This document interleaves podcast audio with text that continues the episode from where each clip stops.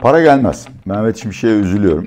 Şansı olmayan hacıyı e, Devam ettiğiniz çö- çölde kutup ayısı kovalarmış diye bir laf vardır. Sayın Ekrem İmamoğlu'nun siyasetten yasaklanacağı düşüncesindeyim. Bu seçimi kazandırır mı Erdoğan'a? Ben de yaptım. Siz dün, geçen hafta söylediniz. Siz geçen hafta söylediniz hemen aradım. Dedim ki benimkini Eurobond'a çevirin.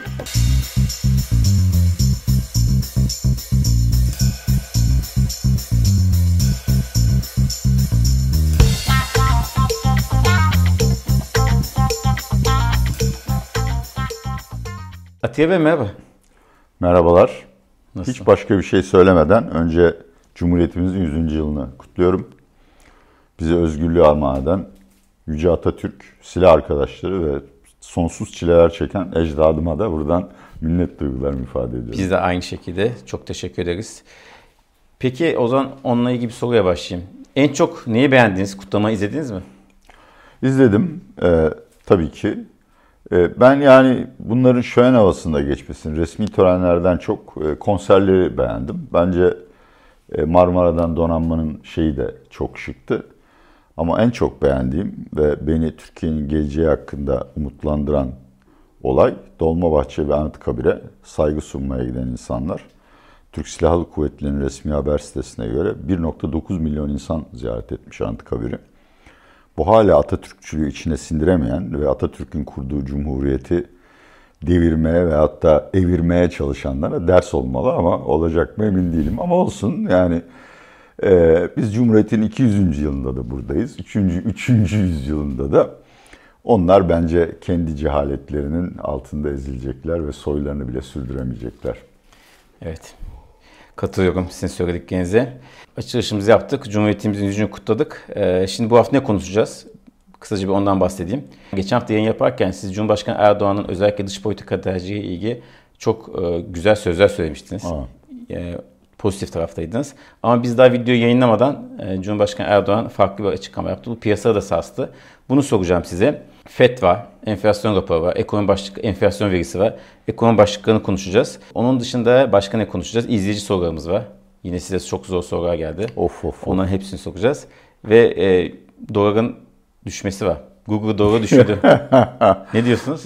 Ee, Allah gönlüne göre versin. O konuda çok söyleyeceğim var ama şunu söyleyebilirim.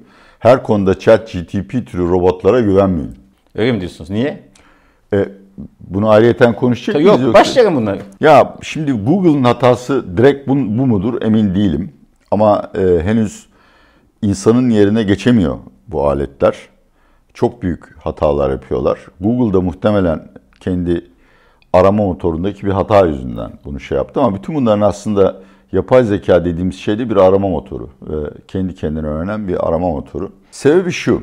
Bunlar kendilerine verilen bir veri setini tarayarak buradan sorulan sorulara cevaplar üretmeyi öğreniyorlar. Ve cevapların kalitesi o veri setiyle bağlantılı. O veri seti de Google'da bulabildiğin içerik. Dolayısıyla yani genel konularda yanılmaz chat. Bu da bir genel konu esasında. Bu çok genel bir konu. Bu çok istisnai bir durum ama dediğim gibi yani bu işleri tamamen makinelerin kontrolüne bırakırsanız hata yapıyorlar. Muhtemelen girdi bir web sitesinde bir gün öncesine ait bir doları gördü. Belki en çok trafik alan oydu. Bilemem algoritmasını. Ve denetimsiz iş yapabileceğini düşünmek hatalı sonuçlar neden olur. Daha oraya gelmedik. Ben pek geleceğimiz düşüncesinde de değilim açıkçası. Atiye Campy yeni sponsor. Oo, Campy lafı duydun mu? Hemen İngilizce konuşmaya başlıyorsunuz. Cambly, yes. ben duymuş bu isim.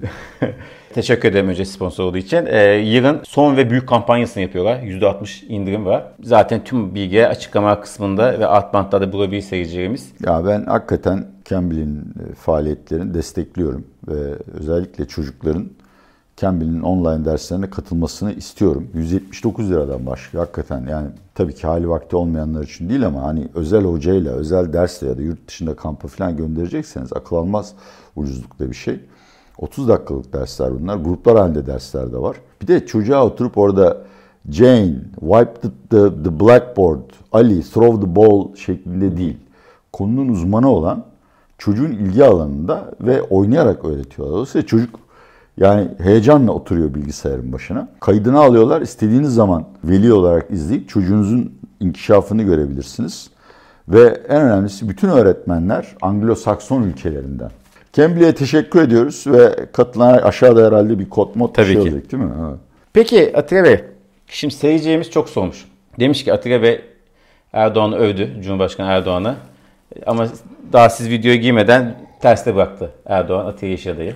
Biliyorsunuz geçen çarşamba grup konuşmasında Hamas'a terör örgütü dedi. Terör Tamam. örgütü değil dedi. E, mücahit bir grup dedi. E, ondan sonra borsada çok sık sert satış geldi. İşte dış politikada çok ciddi yansımalar oldu. E, esasında dejavu gibi bir şey yaşadık. Evet. Ne diyorsunuz? Cumhurbaşkanı Erdoğan konusunda yanıldınız mı? Yoksa bu stratejik bir hamle miydi? Bunu nasıl değerlendiriyorsunuz? Ki biliyorsunuz 28 Ekim'de de Büyük Filistin mitingi yapıldı. Orada bir konuşma yaptı Cumhurbaşkanı Erdoğan. Şimdi bence Erdoğan bir yani bütün politikalarını gözden geçirme aşamasında. İşte İsveç ekonomi ekonomi politikasında hiç yapılamaz denilen şeyler yapılıyor. Ama tabii bocalama, hiçbirimiz kendimizi yenilemeyi bir günde beceremeyiz.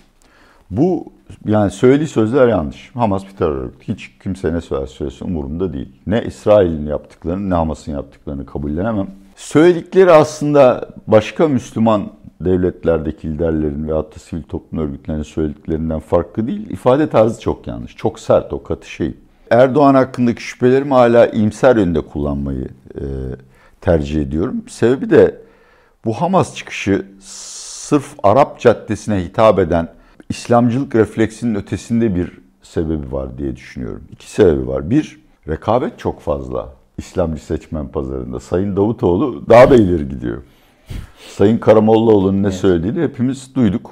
Mitinge katılmıyorum çünkü artık miting değil icraat zamanı dedi. Yani Sayın Bahçeli ermiş yaşına rağmen e, elinde sapan savaşmaya hazır. Yani pazar payı kaybedecekti Erdoğan çok daha sert bir çıkış yapmasaydı ve yerel seçimler geliyor.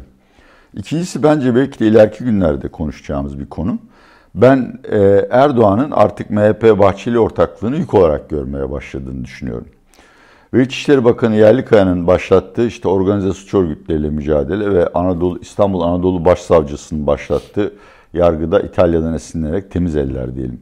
Operasyonun aslında MHP'ye yönelik. İleride MHP'ye şantaj yapabilecek delilleri toplama operasyonu olarak görüyorum. Önümüzde iki tane senaryo var. Bu şekilde değerler. Bir, bu savaş uzar. İşin içine işte Amerika şu. Erdoğan ne söylese söylesin fark etmez. Çünkü zaten ekonomi bitmiştir.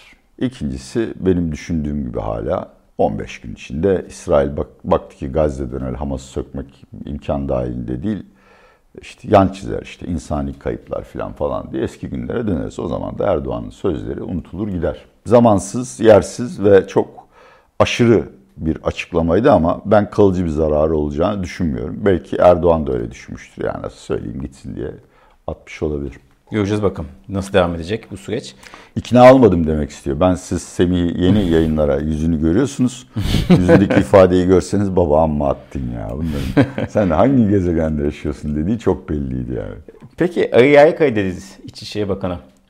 E, madem onun e, ismini geçirdiniz, onunla ilgili bir soru sorayım. Biliyorsunuz e, Cumhuriyet kutlamalarına da bir video yayınladı. İçişleri Bakanlığı bir işte o bir video hazırlamış ayrıca.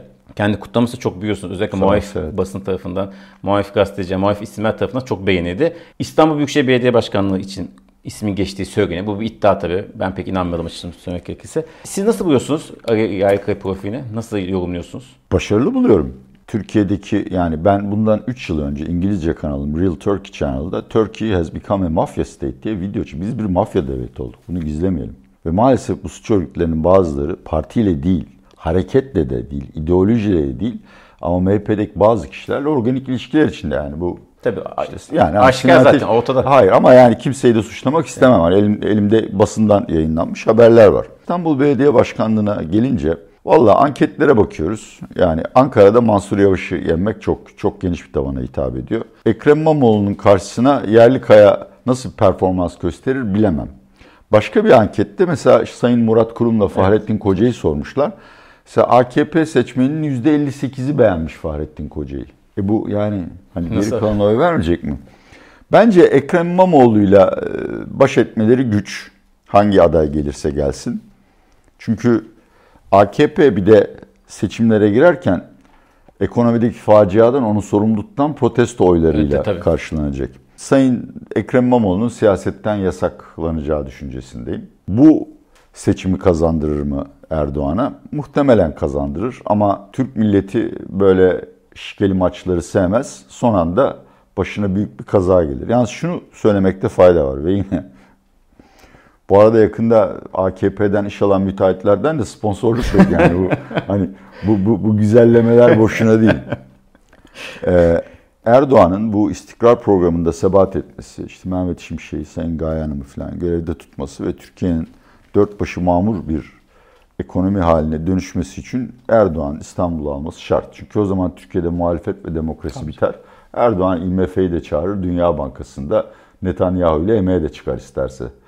Ama büyük kentler CHP'de, İYİP'te ve hatta diğer muhalif partilerde kalırsa e, programın sürdürülmesi biraz zorlaşır. Evet. En azından yeteri kadar sık, sıkamazsın.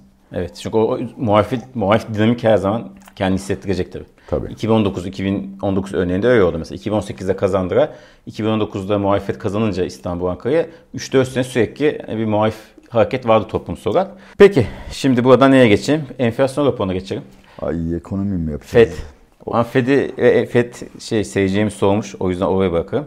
Ama enflasyon raporu ve enflasyon var bu hafta. Arkaya Perşembe günü enflasyon tamam. raporu, Cuma günü de enflasyon verisi açıklanacak. Ee, nasıl enflasyonda gidişat? Umutlu musunuz? Kısa vadeli umutsuzum. Yani zaten Mehmet Şimşek de söylüyor. Cevdet Yılmaz da bütün uzmanlar da aynı görüşte. 60'lardan 70'lere doğru gideceğiz. Muhtemelen Nisan gibi tepe yapacağız. Eğer kur şoku yemezsek. Ondan sonra ancak iyileşirse iyileşecek. Valla çok açık söyleyeyim. Ben Şahap Kavcıoğlu'ndan önce neydi o bir hikayesini bile hatırlamıyoruz. O dönemde enflasyon raporu sunumunu izlemeyi de enflasyon raporlarını okumayı da bıraktım. Çünkü bunları yazan kişileri de suçlamıyorum. Erdoğan'dan bir emir gelmiş. Sen de ona göre bir şeyler çalı kalem uyduruyorsun. Sayın Gaye Erkan döneminde ve diğer meslektaşların, PPK'ya atanan meslektaşların döneminde durumun tamamen değiştiğini gördük. Bunlar yine referans olarak gördüğümüz raporlar haline geldi. Ben muhtemelen yıl sonu ve 2024 sonu enflasyon tahminlerini yani o bandı yukarı çekeceği düşüncesiyim Merkez Bankası'nın. Burada bence asıl soru şu. Şu anda bu resmi bir konsensus yani resmi bir anketin sonucu değil ama benim okuduğum raporlardan çıkarttığım izlenim piyasada TCMB faizi 40'a çeker. Yerel seçimleri de bekler ama ondan sonra yine faiz arttırmaz diye bir görüş var. Ben buna katılmıyorum. Bu noktada e, bu da sorulacaktır herhalde e, Sayın Gaye Hanım'a. Eğer faizlerde bir üst limit olmadığı, enflasyon beklentileri düşünceye kadar parasal sıkılaştırmanın devam edeceğini vurgularsa yani Fed'in yaptığı gibi şimdi biliyorsun öyle bu iş komik ki Şahince faiz artırımı var, güvercince faiz artırımı. O da öyle yani güvercin bir rapor mu çıkacak ortaya, Şahin mi? Bence Şahin çıkması lazım. Emin değilim bunu yapacak mı Sayın Erkan? Çünkü piyasa iletişimi çok zor bir iş ama mesele şu. Enflasyonun üç nedeni var. Bir işte arz enflasyonu yani girdi maliyetleri ve kur. İki talep, ekonomi çok hızlı büyüyor. Üçüncüsü en önemlisi beklentiler katılaşmış. Yani kimse enflasyonun düşeceğine inanmıyor. Bu hepimizin davranışlarını olumsuz etkiliyor. Ve beklentileri değiştirmek için de çok katı mesajlar verip arkasında durmak lazım. Bu yüzden ben Gaye Erkan'ın yerinde olsam çok sert konuşurum faizlerde bir üst limit şudur budur e, hiç tanımam. Ne kadar gerekiyorsa çok rakam vererek konuşurum. Yani ona beklentiler ona düşünceye kadar biz işte faizleri arttırabiliriz şeklinde mesaj vermesinin yararlı olduğu düşüncesi. Verecek mi sizce? Bence henüz vermeyecek. Bir dediğim gibi yerel seçimler var. İkincisi Gaye Hanım çok başarılı bir bankacı ama yatırım bankacısı ve ticaret bankacısı. Merkez bankacılığı özellikle hitabet sanatı çok özel bir meslek. O konuda bence ancak zamanla kendine eğitir. Peki Mehmet Şimşek geziye ne diyorsunuz? Gelen giden var mı para? Para gelmez. Mehmet Şimşek'e üzülüyorum. Şansı olmayan hacıyı e, Devam ettiğiniz çö çölde kutup ayısı kovalarmış diye bir laf vardır. Kardeşim yani şu anda gelişmekte olan ülkelerden acayip para kaçıyor. Tamam Türkiye'nin seksi bir hikayesi var ve toplantılara katılan yatırımcılardan bir iki tanesi yazdı. Bir iki tanesiyle e-mail değişimi yaptık. Çok başarılı buluyorlar. Mehmet Şimşek ile onu kat, onun yanındaki PPK üyelerinde. Ama şu anda kimse hiçbir yere para yatırmıyor. O yüzden gelmez. Çok ufak tefek. JP Morgan bir rapor yazmış. 10 yıl vadeli devlet tahminli faiz 35'e gelirse alın demiş. Dün 30'du. Biraz daha yükselse gelir ama şimdi iki türlü akım var. Bir damlamak var. O gelir. Ama şakır şakır Sayın Erdem Başçı dönemindeki para gelmesi gelir demiyorum ama gelecekse de yerel seçim sonuçlarını bekler ve global konjonktürün düzelmesini bekler. Ya, tabii bu da aklıma şey takılıyor. Biz hem ekonomi hem de Türkiye ile ilgili çok e, karamsar bir tablo çiziyorduk. E, şimdi seçimden sonra bakıyorum tamam para politikası, para politikasında evet doğru adımlar atılıyor. O da şey yok. Ama bu kadar basit miydi bizim sorunun çözülmesi? Yani yabancı bu kadar ikna oldum hemen yani. 3 3 faiz Yabancı- artışı, 3 isim. Şimdi bak hayır yani o toplantılardan gelen haberleri okuduğunda Mehmet Şimşek'le bir sorunları yok. Ortaya konulan yol haritasını da doğru buluyorlar tamam ama Erdoğan'ın sabrı konusunda şüpheleri var. Hayır şunu demek istiyorum. Yani biz eğitim sorunumuz vardı, adalet sorunumuz var. Ona hiç bakmıyor ama. Yani inovasyon sorunu vardı, verimlilik sıkıntımız vardı. Yok onlara bakmazlar. Hiç bakmıyor. Gerçi- Ya tersi olunca bakıyorlar. Yani yapısal reform programı açıklanıp da bir iki adım atılırsa o zaman buraya yani yalnız sıcak para değil soğuk para e, ve hatta plazma haline gelmiş füzyon parası da gelir. Mesela bak Hindistan ondan ekmek yiyor. Yani Modi'nin yaptıklarına bakıyorsun. Abi orada yabancı perakende yani yabancı gıda zinciri bile barındırmıyorlar. Ama adam iki adım attı. Hindistan şu anda yalnız o sebepten değil gelişmekte olan piyasaların kraliçesi oldu. Bu insanların Allah'ı, kitabı, etiği yok. Onlara verilen görev para kazanmak. Bu bireysel bir eleştiri de değil. Ben de yorumlarımda hiçbir şekilde etik kuralları dikkate almıyorum. Veyahut da insani faciayı almıyorum. Benim bir işim var. O işte para kazanmak. O yüzden umurlarında değildir. Peki seyircilerimizin soruna geçelim mi? Evet. Bu ekonomi kısmına ve piyasa kısmına daha çok izleyici sorularımız. Çünkü sağ olsuna çok e, hepsini Oo, soruyorlar. Çok hoşuma gidiyor. Bir tanesini soruyorum. Madem siz FED dediniz, FED'le başlayalım o zaman. Öne çekeyim. FED ne yapar? Fed artık bekler. Daha fazla faiz arttırması için bir nedeni yok. Amerika'da enflasyon düştü ama son adımlar çok zor olacak. Ama onun ötesinde iki neden daha var. Bir, Orta Doğu Savaşı'nın nereye gideceğini kimse bilmiyor. Dün Dünya Bankası, yani dün ben okudum, e, emtia piyasaları raporunu açıkladı. Gıda ve enerji fiyatlarında çok ciddi yükselişler olabilir eğer savaş devam ederse. Tabii Fed de bunu görmek istiyor. İkincisi aslında bizim parasal sıkılaştırma dediğimiz şey finansal koşulların sıkılaştırılmasıdır. E, orada da Wall Street'teki gerileme ve ABD tahvil faizlerinin yükselmesi. ABD'de bu sanırım 25 yıllık defa oluyor. İpotek faizlerinin %8 ve üstüne çıkması zaten piyasa kendi sıkılaştırmasını yapıyor. O yüzden bekler. Bence piyasada herkesin anlattığı Fed hikayesiyle benim anlattığım Fed hikayesi arasında bir fark var. Ben bu ortamda herkesin tersine 2024 yılında faiz indirimi beklemiyorum. Göremiyorum yani şu anda söyleyemem. Halbuki piyasa veyahut da işte bu konuda konuşanlar tepesine vardıysak biraz sonra da faiz arttırım indirimleri Evet. başlar diye düşünüyor. Benim senaryom çıkarsa bayağı gelişmekte olan piyasalarda S&P 500'de acayip sopa yer yani. Kötü haber. Birkaç hisse almıştım. Ben de öyle. Keşke göbeğime- önceden söyleseydiniz. Göbeğime kadar maldayım. Zit zit coin aldım. Seçim ekonomisine Türkiye geçecek mi sizce? Ya bir miktar geçecek.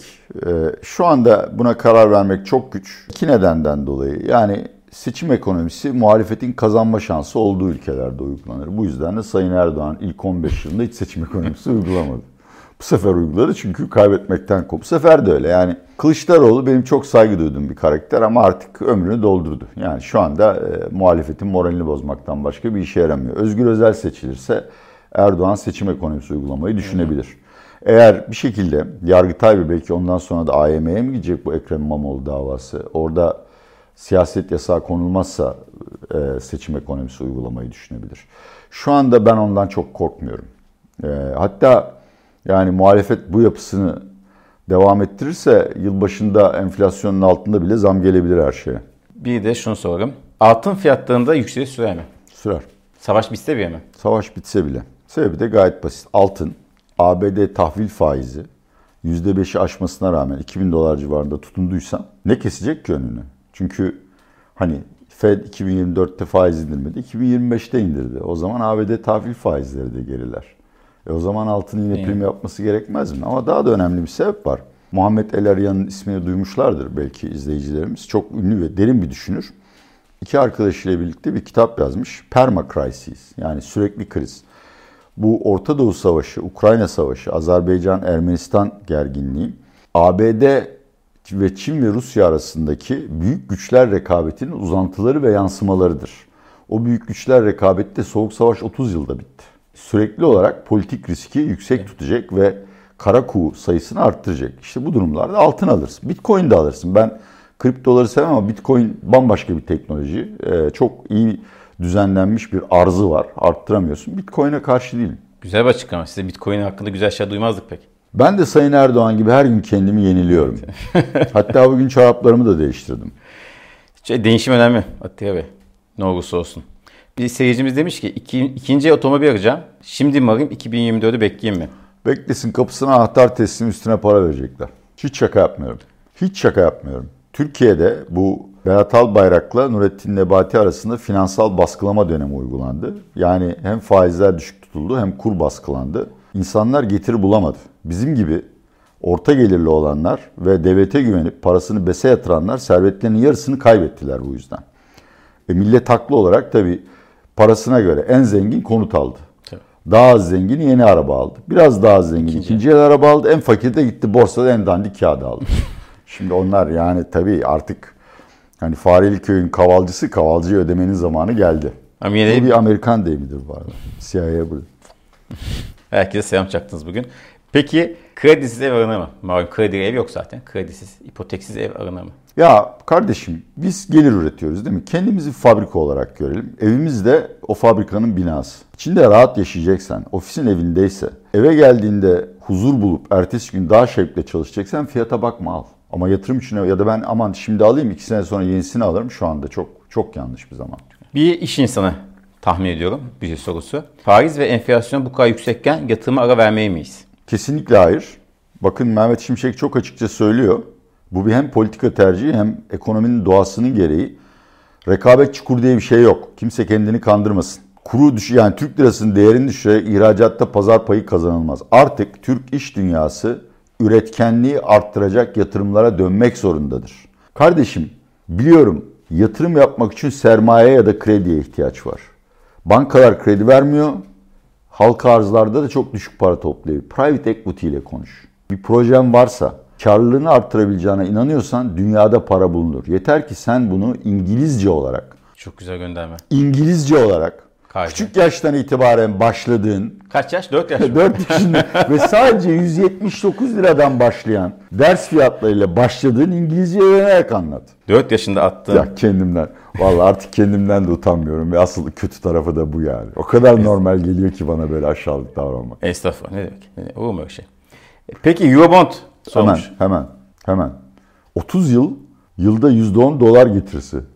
Vallahi Paul bile alıyordur şimdi. Ama biraz şey değil mi bu ya? Biraz meblağının büyük olması lazım sanki. Küçük meblağı. Ya evet bazı bankalar yani 100 bin doların altına ama şeyler var bak yani BES ve diğer fon euro yani orada git tercihini Eurobond'a değiştir. Biz, ben, yaptım. ben de yaptım. Siz dün geçen hafta söylediniz. Siz geçen hafta söylediniz hemen aradım. Dedim ki benimkini Eurobond'a çevirin. Çocuğunkini benimkini. Aynen öyle. Çok, çok samimi olarak söylüyorum. Yani şu anda %10 dolar getirse burun kıvırabilirsiniz. 5 sene sonra dünya normale döndüğünde %10'u değil %6-7'yi bile bulamayacak kimse. O yüzden Eurobondlar hem prim yapacak hem de vadeye kadar tutacaksanız bakın e, faiz e, hesap makinesi diye bir şey var Google'da. Girin bakın 100 bin doları %10'dan 10 senede 20 senede kaç para oluyor? Aklınızı yiyeceksiniz. Bizdeki tasarruf sahibi kendini yatırımcı zannediyor. Trader bile olamıyor birikimci olmayı bilmiyor. Yani hiç telaşlanmadan kalıcı olarak birikimlerinin değerini arttırıp servete dönüştürme konusunu anlamıyor. Anlasa mesela 30 yaşında profesyonel el alın. E, işi iyi, birikim yapıyor. Ya kardeşim al hisse senetlerini. %60-70 hisse senedi al. İş dalın neyse o alandaki sektörlere yatırım yap. Çünkü bildiğin bir iştir. Para kaybetmenin imkanı yok. Peki şimdi spor yapmıyor musunuz? Spor tabii benim iki kalçamda protez olduğu için yürüyüş, Yürüyüş. ara sırada işte böyle hani bant mant çekerim. Bu büyük kentlerde bu tabii bu biraz sık- sıkıntı değil mi yürüyüş alanları? Mesela e, biz geçen hafta İzmir için bir proje yaptık, e, şey yaptık, video çektik. Mesela işte kentte, kent içinde park, büyük şehirlerde kent içinde parkta ciddi bir sıkıntı var. Mesela İzmir'de e, belediye 35 tane yanlış hatırlamıyorsam park yapmış. Ciddi misin? Evet, Çok e, işte güzel. ismi yaşayan park. Tunç Şoyer'e buradan tebriklerimi ve sevgilerimi sunuyorum. bir ekonominin gerçek anlamda kalkınması için, yani para politikası falan değil, gerçek anlamda bir hamle yapabilmesi için insanların daha üretken olması lazım. İstanbul sana insanların üretim yapabileceği şehir olarak geliyor mu? Günde 3 saat yolda harcıyorsun. Belgrad ormanları dışında gidip gezebileceğin, nefes alabileceğin. O da şey. trafik var. E bu insan üretemez. Çünkü bu insan ne sağlıklı olabilir ne içindeki stresi atabilir. organik, doğayla iç içe geçebileceğimiz, stresi atabileceğimiz ortamlara ihtiyacımız var. İstanbul yeşil alan açısından dünyanın en fakir kentlerinden biri. TÜYAP kitap fuarı var değerli dostlarım biliyorsunuz. Cumartesi günü ben de naçizane bir söyleşi yapacağım. Dünyadaki en büyük dört trendi anlatacağım. Bir de tabii e, pandemi çağında ekonomi adlı e, kitabımı imzalayacağım. Hani birkaç kuruş da cebe indirebilirsek. Bir tanesini Parola söylesenize. yayını. Parola yayını. Parola yayını. Parola yayını. Bir tanesini söylesenize dört büyük trendten. Demografi. Süratle yaşlanıyor gelişmiş ülkeler ve Çin. Ve belki 30 yıl sonra Almanya ve Rusya gibi bir ülke kalmayacak. Rus ve Alman kalmayacak yani. Biz Bizim daha 20 yıllık bir fırsat penceremiz var. Dışarıdan göçmen şartmış yani. Sayın Cevdet yapma Allah. Bizim ona değil insanlara eğitmeye şeyimiz var, ihtiyacımız var. Ama bizim de zamanımız daralıyor. Şu açıdan daralıyor. Sen şimdi 4 yaşındaki çocuğa Kur'an eğitimi veriyorsun. E, matematik öğretmek yerine ve hatta kültür fizik yaptırmak yerine. Bu çocuk 18 yaşına geldiğinde yapay zeka ile çalışabilir mi? Yapay zeka onun üretkenliğini arttırır mı sorusuna hiç cevap Şey aramıyorsun. Evet maalesef. Çok teşekkür ederim. Tabii Bunlar daha kapsamlı konular. Bir dahaki bölümlerde yavaş yavaş hepsini konuşacağız. Haftaya kadar kendinize çok iyi bakın.